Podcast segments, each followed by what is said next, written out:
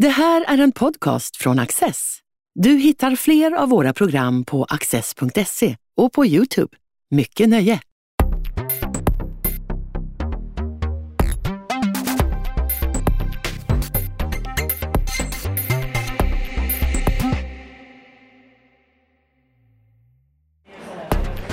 Selma Lagerlöf beskrivs ofta som en sagoberätterska från Värmland.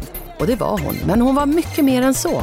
Det är ett av budskapen från Anna-Karin Palm i den stora biografin Jag vill sätta världen i rörelse. Selma Lagerlöf var beläst, hade rika nätverk bland sin tids intellektuella och komponerade sina böcker med stor skicklighet.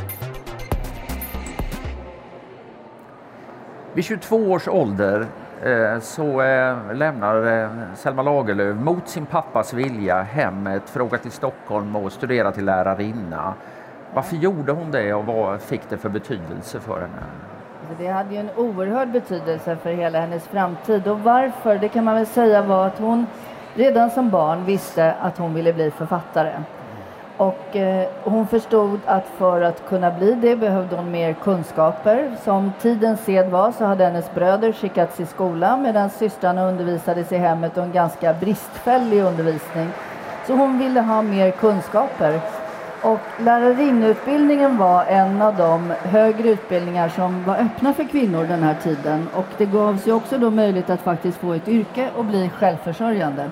För en annan sak Selma Lagerlöf redan hade insett var att hon inte ville gifta sig. Hon skriver senare i ett brev till Sofie Elkan, som är väldigt roligt formulerat, om man inte kan fördraga något härskap över sig bör man väl förbli ogift, eller hur? Och då, så att säga, eftersom giftermål var det vanliga sättet för en kvinna på den tiden att lämna hemmet. Och hon inte ville gifta sig. Och familjens ekonomi var väldigt dålig, det fanns inga pengar till henne och systern, så förstod hon att hon måste hitta ett yrke som hon kunde försörja sig på. Och hon ville ha mer kunskaper för att nå sitt mål, att bli författare. Så det var hennes bevekelsegrunder. Om vi då ser till eh, Eh, eh, vad, vad, var det viktigaste med, med, tiden i Stockholm? Var det människor hon träffade? Var det vad hon verkligen lärde sig? Eller var det helt andra saker? Det var nog lite både och. Det var nog kunskapen. Men jag tror framför allt att hon hamnade i en miljö som var väldigt olik den hon hade eh, hemifrån, den hon hade upplevt dittills. Alltså högre lärarinneseminariet i Stockholm vid den här tiden var liksom en samlingsplats för unga idealistiska intellektuella kvinnor som ville vara med och förändra och förbättra världen de levde i. Så det var liksom en, en så här riktig gryta av idéer och engagemang och entusiasm som jag tror blev enormt betydelsefull. Och många av de här personerna som Selma Lagerlöf lärde känna där var hon sen vän med livet ut. Och många av de här kvinnorna blev också sen viktiga förgrundsfigurer inom kvinnorörelsen, fredsrörelsen, de blev stora pedagoger eller till och med politiker. Så det var verkligen en skola för livet så att säga. Mm. Var det en bra utbildning? Alltså, re, själva undervisningen vet jag inte. Det Nej. var väl inte alltid, det var nog ganska mycket så här fyrkantigt och eh, det som finns liksom bevarat av Lagerlöfs tid där visar också att hon nog inte släppte sin fantasi helt lös utan snarare försökte bli lite torrare och foga in sig i det här förväntade. Så att, eh, men jag tror framförallt, och sen var det ju också att under tiden i Stockholm så började hon skriva sonetter. Hon drabbades av sonettfeber som hon senare säger. Ja. Och då skrev hon, alltså hon gick jättemycket på teatern, så mycket som hon hade råd med, fler gick hon. Och då började hon skriva sonetter till de här föreställningarna hon hade sett eller till speciella rollfigurer eller skådespelare. Och så började hon också skriva, för det började då sprida sig på skolan att hon, gjorde, att hon skrev sonetter. Så då mm. började hon också skriva sonetter till alla sina väninnor och även till lärarna. Som ju ofta var sådär lite ironiska och lekfulla. Och, men jag tror att det också var betydelsefullt att hon i det här fick liksom börja leva i identiteten att vara en som skriver och få respekt och uppskattning för det. Det här gjorde henne liksom mer populär i väninnekretsen också det är ganska svårt att skriva sonetter eh, och göra det bra så det måste vara en värdefull rent språklig hantverksträning också. Absolut, det tror jag. Jag har själv aldrig försökt mig på en sonett men jag tror det är ganska komplicerat. Men det var ju också det att hon hade ju föreställningen om att hon just skulle bli diktare. Mm, att hon skulle skriva vers. För det var ju också så att i hennes hem och i tidens kultur överhuvudtaget så stod liksom poesin mycket högre än romaner var lite så billigt och underhållning och men verskonsten var ju det stora, det fina, det var liksom Tegnér och som var hennes fars husgud. Så det var det hon strävade efter. Och sen eh, flyttar hon till Landskrona. Då lämnar hon den här rika intellektuella miljön och kommer till en skånsk småstad. Ja. Så att säga. Vad, eh, vad tyckte hon om det då? Jo, men jag tror att för henne var det ett äventyr eftersom det var första gången hon faktiskt fick så att säga klara sig själv och, och tjäna sina egna pengar och inrätta sitt eget lilla hem. Och, och sen eh, det här lärarinnekollegiet där hon på skolan hon arbetade, Landskrona elementarskola för flickor tror jag den hette. Eh, där fick hon genast några viktiga vänner, framförallt en, Anna Ohm, som mm. sen följde, också en sån här vän som blev en vän för livet. För att hon, Selma Lagerlöf var väldigt lojal i sina vänskaper för de som en gång verkligen hade kommit henne nära. Men jag tror också att Landskrona var också ett slags mikrokosmos där samhällsklasserna levde tätare in på varandra och hon fick liksom upp ögonen tror jag för, för samhället i stort. Hur, eller ja, och för framförallt de fattiga arbetarnas nöd och misär. Och de här unga kvinnorna var väldigt engagerade i att bedriva olika, de hade syjuntor där de samlade in pengar till nödlidande, de ordnade basarer, de gick och fantiserade om hur de skulle kunna utrota fattigdomen i framtiden. Och under en period där så kallade sig till och med Selma Lagerlöf för socialist. Men då skriver de ett, som ett viktigt tillägg, men jag tror inte det är detsamma som materialist. För någon materialist var hon aldrig. Och så småningom hamnade hon i Folkpartiet. Ja, ja, precis. Ja. precis. Eh, men eh, i Landskrona så skriver hon då det, de första, eh, ja, det som blir hennes debut i realiteten. Ja. Och som så småningom blir Gösta Berlings saga, men som först är noveller till en tävling som tidskriften Idun ja, arrangerar. Det. det blev prosa och inte lyrik. Ja, det, berodde faktiskt delvis på... Eh, hon fick kontakt via faktiskt sina väninnor i Stockholm som gick med Lagerlöfs dikter till tidskriften Dagny som var en viktig tidskrift för många, publicerade många kvinnliga författare. Och där, den leddes av den legendariska Sofie Adlersparre som också var en så otroligt viktig person inom kvinnorörelsen och på den litterära scenen och som hela tiden försökte liksom få fram nya kvinnliga författare. Hon tog Selma Lagerlöf under sitt beskydd och publicerade några dikter men började också uppmuntra Lagerlöf att skriva prosa. Hon säger i något brev att det är ju helt onaturligt att inte kunna uttrycka sina tankar på annat än på vers. Ja. Så det var liksom därifrån det kom, den impulsen. Och då började hon på det som sen skulle bli Gösta Berlings saga. Och den idén hade hon ju haft med sig länge, men hon trodde först att det skulle bli ett stort versepos. Liksom. Så man kan är det fem kapitel ur, eh, ur Gösta Berlings saga som är de fem noveller hon sänder till... Eh, eh, ja, de, ja det, det, blir vad hon vinner den här Idun-tävlingen med. Ja. Sen eh, publiceras Gösta Berlings saga eh, som väcker ganska stor uppståndelse men det utbryter också en debatt om den. Mm. Och eh, om jag läser dig rätt så menar du att det är, någonting gick lite snett i den debatten som har kommit att prägla hela eh, bilden av Selma Lagerlöf, ja, i, i hela hennes karriär i princip. Kan du berätta lite om det?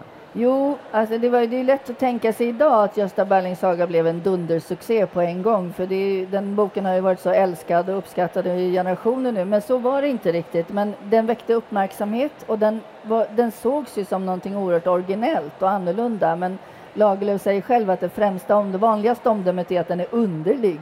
Den liknade liksom ingenting annat som, som skrevs för den tiden. Men då när det kom mycket kritik om att den var för yvig och det var för onaturligt och orealistiskt och de här egendomliga personerna, det kan ju inte existera.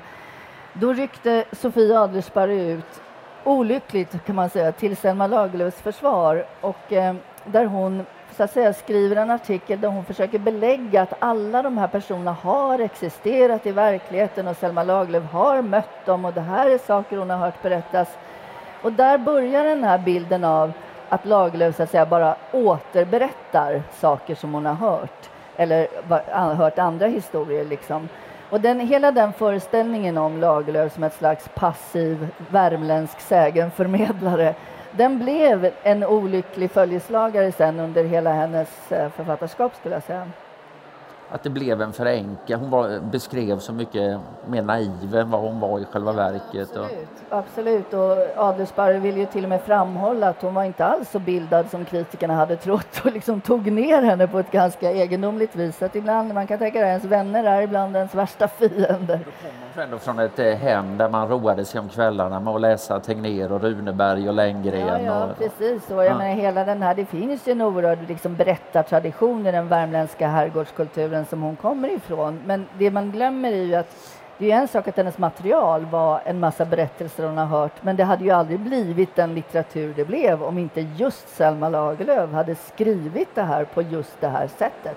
Och du har något brev som du återger i boken där hon till, är det till Sofia Adlersparre där hon skriver ja det var ju snällt att du backade upp mig på det här sättet men lite hade jag nog ändå tänkt ut hur det skulle vara också. Ja, ja. Jo, precis. Jo, hon försöker ju från början framhålla liksom att det här är ett medvetet konstnärligt arbete och att hon har en idé och hon är ju så otroligt kaxig, vilket är underbart. Hon har ett självförtroende som är helt nästan obegripligt. Hon säger för att hennes tanke med Gösta Berlings saga var just att det ska vara, varje kapitel ska liksom vara en avslutad helhet. Men sen ska det samtidigt fogas in då i det här större bygget. Liksom. Och då säger de vid något tillfälle, jag utmanar vem som helst att försöka göra det här. Alltså, det är minsann inte så enkelt. Liksom. Och det är det ju inte. Men den, den formella medvetenheten och den liksom konstnärliga medvetenheten, den ville man inte alltid riktigt se, tror jag, i tiden. Men om man ändå ställer frågan, den här uppväxtmiljön på, i Mårbacka och i Värmland, så att säga, det måste ändå ha betytt ganska mycket för henne?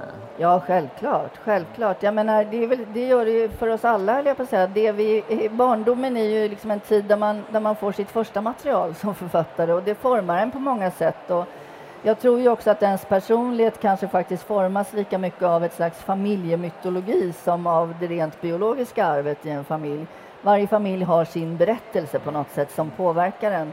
Och där finns det en väldigt stark berättelse kring Mårbacka och familjen på Mårbacka och en mytologisering liksom som hon blir en del av. Men som hon också använder.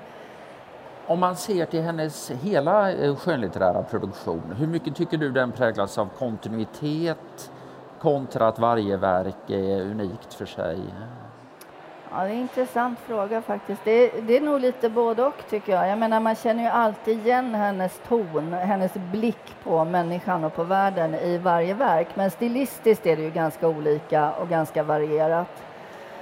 Eh, och hon går kanske också mot, vad ska jag säga, om man jämför Gösta Berlings saga med de senare böckerna med Löwenskiöldska trilogin eller med Jerusalem så går hon ju mot en större språklig enkelhet kan man säga. Alltså hon skriver ett mer eh, renodlat språk. Och hon börjar ju också en bit in på 1900-talet att faktiskt skriva dialekt i dialoger, som i Kejsarna av Portugalien. Och det här var ju väldigt radikalt för tiden, att människor liksom får prata på värmländska. Och hon skriver det så bara när man läser det så förstår man att det här är värmländska. Det var också väldigt ovanligt. Hon var ju också en av de första författare som började skriva med nystavning och verkligen bidrog till att den reformen gick igenom och slog igenom i Sverige och inte minst genom Nils Holgersson som, som hon bidrog med det.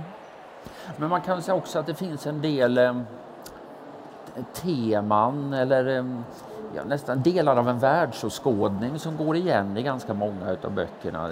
Den här eh, känslan för det miraklet och dess betydelse som ett exempel. Att den andliga sidan ja. av livet. Ja, absolut.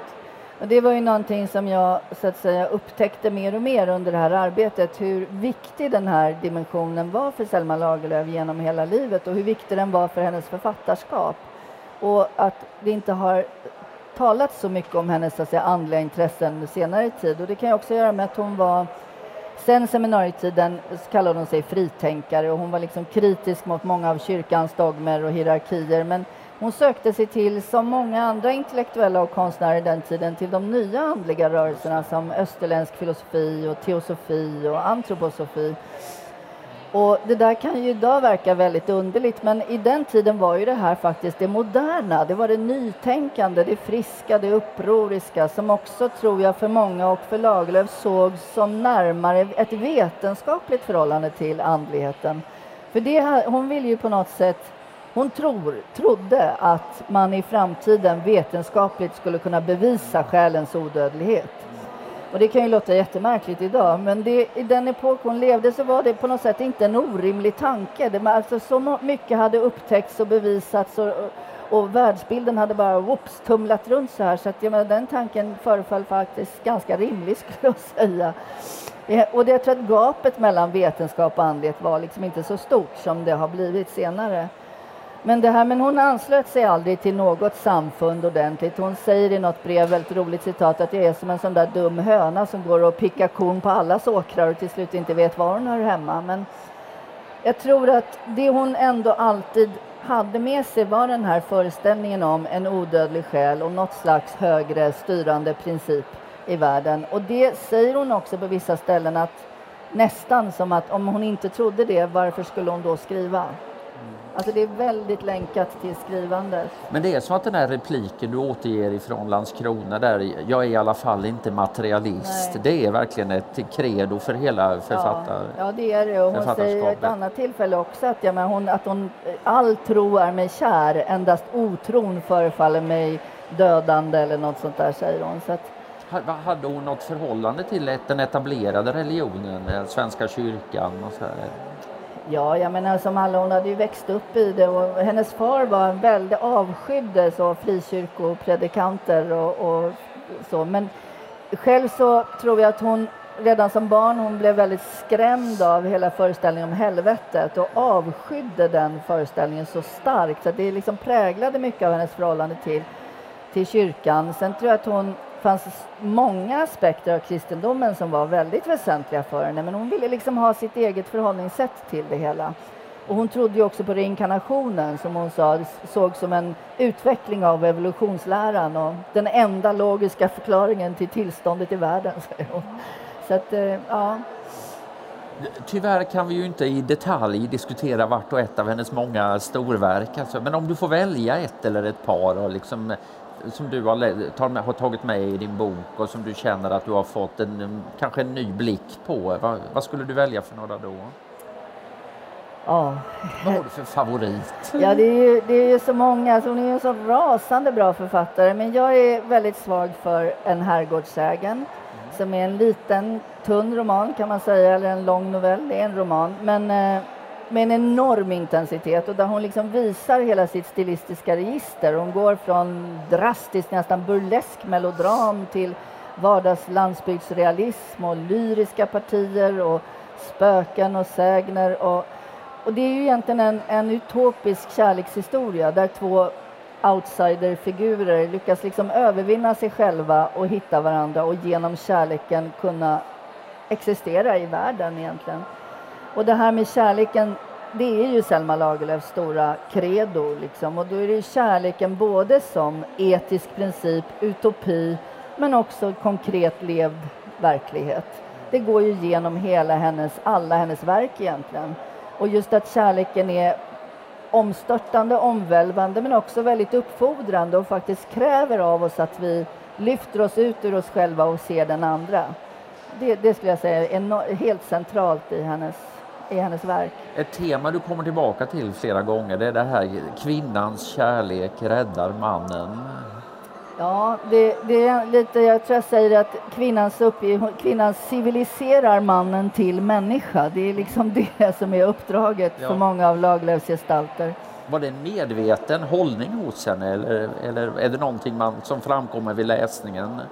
Alltså jag tror att det också har att göra med den idéhistoriska miljö hon, hon så att säga växte upp i och mycket där på seminariet så fanns det en sån del av kvinnorörelsen som var väldigt idealistisk och som just menade att mannen måste lyfta sig till kvinnans nivå. Alltså, det är en jättelång diskussion kring det här som ja. vi kanske inte kan gå in på men det fanns en föreställning om att kvinnan, vilket man verkligen kan ifrågasätta, men att kvinnan hade en slags naturlig renhet och då måste mannen också liksom bli lika dygdig. Och det här är också en diskussion mycket mellan den här generationen kvinnor som kallar sig de nya kvinnorna.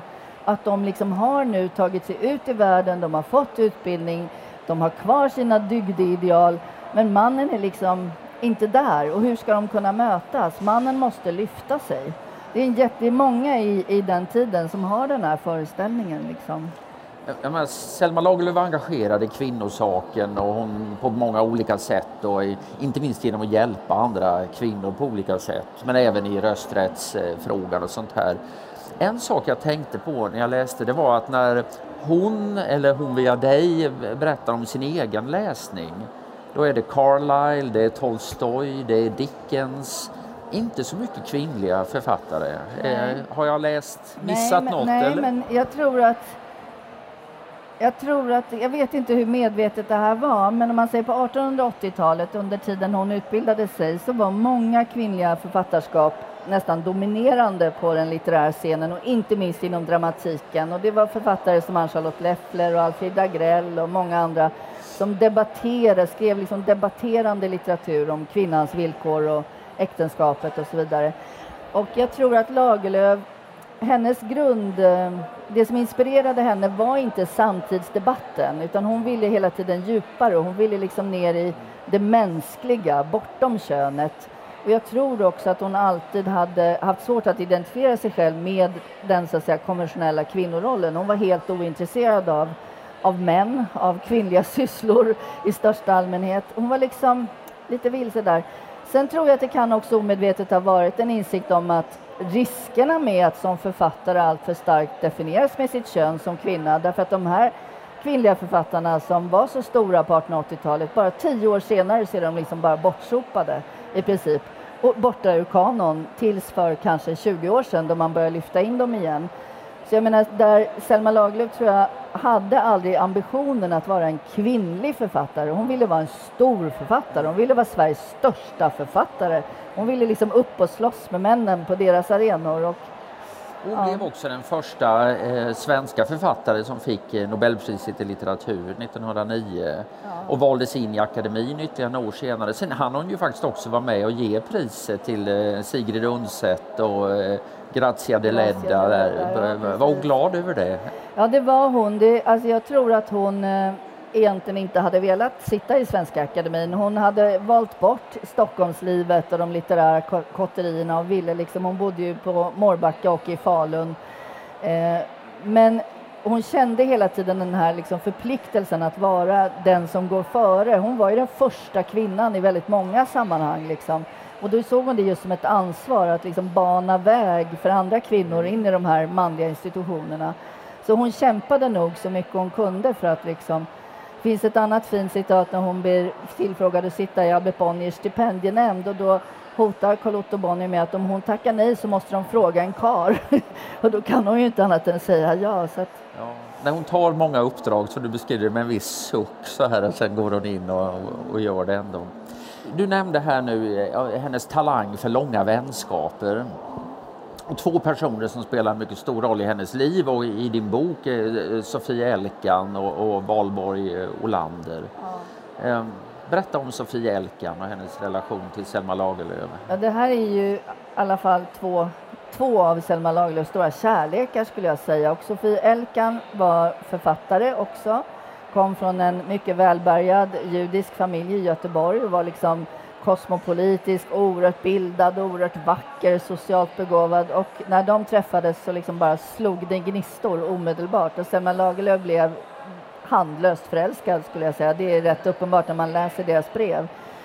Och det blir en, en vänskap, en kärlek. Alltså det som är speciellt med den här tiden är ju att vänskap, kärlek, sexualitet, gränserna är mellan de här kvinnorna är väldigt flytande och liksom föränderliga och det, det, är ju relationer som äger rum bortom, så att säga, under radarn, bortom konventionerna men som samtidigt kunde ha en viss acceptans. Jag, menar, jag tror att två kvinnor som levde tillsammans var accepterat. Två män hade inte kunnat göra det på det sättet. Det var ganska vanligt att kvinnor levde tillsammans och till och med tog fosterbarn och så. Och med Selma och Sofie så blir det en kärlekshistoria, men den är också komplicerad därför att man kan ana, alltså allt det här är ju, man sitter och läser brev av döda människor och försöker förstå hur de egentligen hade det tillsammans. Men jag tror att Sofie Elkan hade varit gift och hon hade förlorat både sin man och sin dotter i tuberkulos tidigt så att hon var änka. Och hon var mer ambivalent till den fysiska kärleken tror jag och lite mer ville inte ha för mycket. Och där tror jag att Selma Lagerlöf också hade en frustration i. Men samtidigt var de ju två författare och de berikade varandra enormt och liksom skickade manus till varandra, diskuterade litteratur och idéer. Och, och sen mötte Selma Lagerlöf Valborg Lander i Falun ungefär, ja drygt tio år senare. Och det blev en ny kärlek och den, Valborg var en annan sorts person. Hon var mer lik Selma Lagerlöfs eh, seminarievänner. Hon var också lärarinna och adjunkt och lärare på folkskoleseminariet i Falun och väldigt engagerad rösträttskvinna. Men där tror jag att det blev en mer fysisk kärlek också. Det finns liksom en, och Valborg är mer hängiven, mer okomplicerat hängiven Lagerlöf. Så att hon, men sen rör hon sig, hon har båda de här kvinnorna i sitt liv samtidigt. Och det blir väldigt, väldigt komplicerat och dramatiskt. Och jag måste säga att Selma Lagerlöf inte alltid beter sig helt snyggt. Det är mycket lögner och intriger. Hon förnekar den ena inför den andra. Men alltså allt det här för att hon egentligen hon behöver dem båda två.